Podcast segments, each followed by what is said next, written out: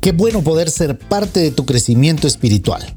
Estudiemos juntos la palabra de Dios. Bienvenidos al comentario de la hora silenciosa de Palabra de Vida Guatemala.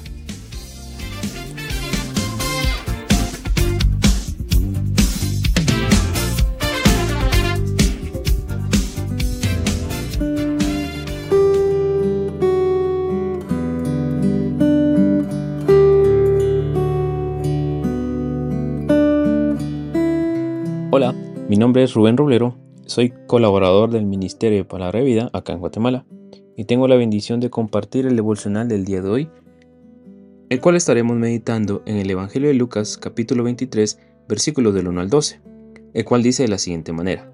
Levantándose entonces toda la muchedumbre de ellos, llevaron a Jesús a Pilato y comenzaron a acusarle diciendo, a este hemos hallado que pervierte la nación y que prohíbe dar tributo a César diciendo que él mismo es el Cristo, un rey. Entonces Pilato le preguntó diciendo, ¿eres tú el rey de los judíos? Y respondiéndole él dijo, tú lo dices. Y Pilato dijo a los principales sacerdotes y a la gente, ningún delito hay en este hombre. Pero ellos porfiaban, diciendo, alborota al pueblo enseñando por toda Judea, comenzando desde Galilea hasta aquí. Entonces Pilato, oyendo decir Galilea, preguntó si el hombre era Galileo y al saber que era de la jurisdicción de Herodes, le remitió a Herodes, que en aquellos días también estaba en Jerusalén. Herodes, viendo a Jesús, se alegró mucho, porque hacía tiempo que deseaba verle, porque había oído muchas cosas acerca de él, y esperaba verle hacer alguna señal, y le hacía muchas preguntas, pero él nada le respondió. Y estaban los principales sacerdotes y los escribas acusándole con gran vehemencia. Entonces Herodes y sus soldados le menospreció y escarneció, vistiéndole de una ropa espléndida, y volvió a enviarle a Pilato. Y se hicieron amigos Pilato y Herodes aquel día, porque antes estaban enemistados entre sí. Jesús ya había sido arrestado y llevado a la casa del sumo sacerdote. Ya lo habían golpeado y se habían burlado de él. En este capítulo podemos ver entonces que la asamblea lleva a Jesús ante Pilato la asamblea estaba compuesta por un grupo de ancianos que eran considerados sabios y que hacían la función de juez ante el pueblo, y llevan a Jesús y lo acusan por tres razones. La primera es diciendo que Jesús pervierte al pueblo. Cuando escuchamos la palabra pervertir, tiene que ver con dañar y corromper. Y debemos saber que Jesús solamente enseñó sobre la salvación, el reino de Dios, enseñaba con amor y confirmaba su relación con Dios como Padre. Esto para nada tenía que ver con corromper al pueblo. La segunda acusación tenía que ver con que Jesús prohibía dar tributo a César. Debemos recordar que Jesús en ningún momento negó dar tributo a César, y es más, cuando fue cuestionado, podemos ver en Mateo 22 que se nos dice que él claramente hizo la distinción de dar a César lo que es de César y a Dios lo que es de Dios, aclarando que no debe haber conflicto entre ser ciudadano de una nación y ser alguien entregado a Dios. Jesús dice ser el Cristo, un rey.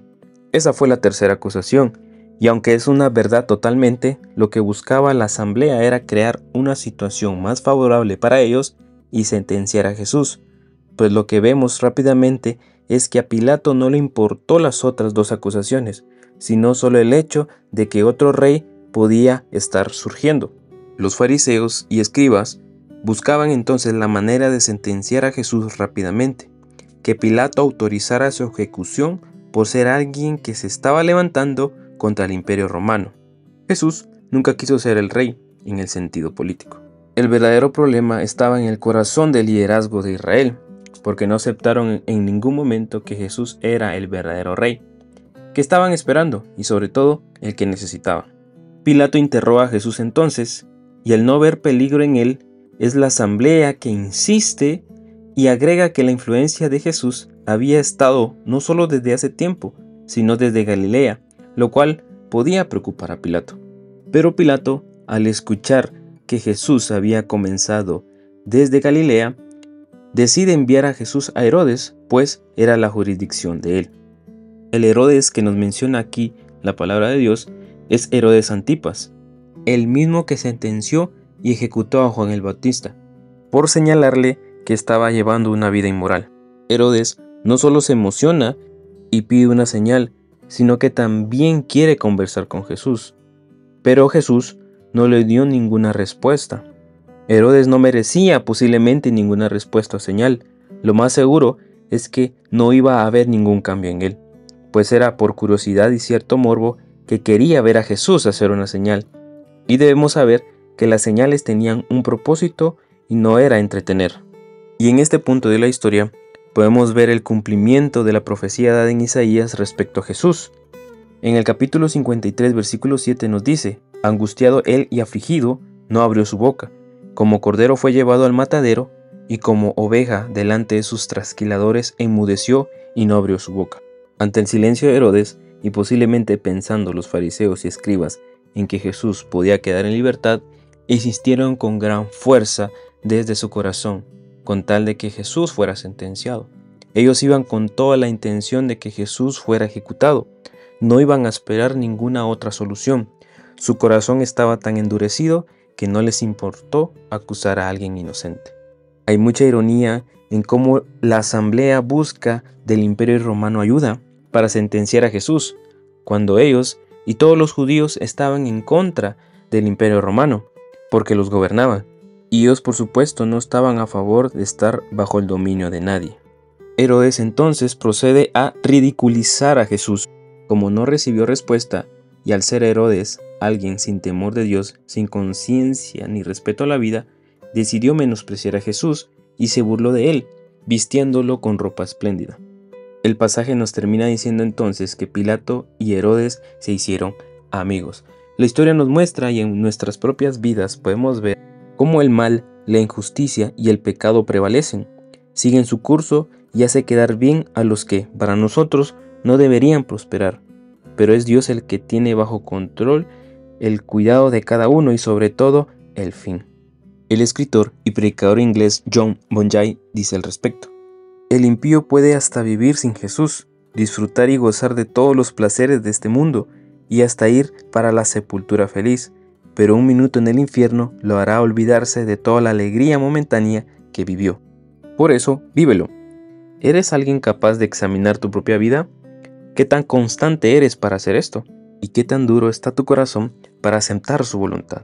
Para Jesús, el propósito era muchísimo más grande que la humillación y estamos llamados a soportar las pruebas, las dificultades por amor a Cristo. El problema no está en no poder oír el Evangelio, sino en aceptarlo, en hacer los cambios en nuestras vidas y apartarnos del pecado. Aunque en nuestra vida todo no solo parece ir en contra, sino que realmente está en contra, debemos recordar que ante la adversidad más grande, nuestro propósito y nuestra vida están en la eternidad junto a Dios, pues para eso vino Jesús, a dar su vida en rescate de muchos. John Bonjan dice también el camino hacia la salvación está lleno de obstáculos, pero la perseverancia y la fe nos llevarán a la victoria. Jesús murió por nuestros pecados, entonces vivamos para agradar a Dios en cada área de nuestra vida. Que el Señor te bendiga.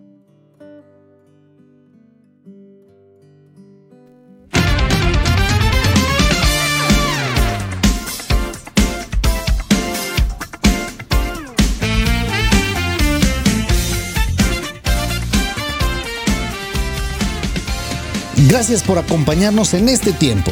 Te animamos a que continúes en contacto con la palabra de Dios. Que Dios te bendiga.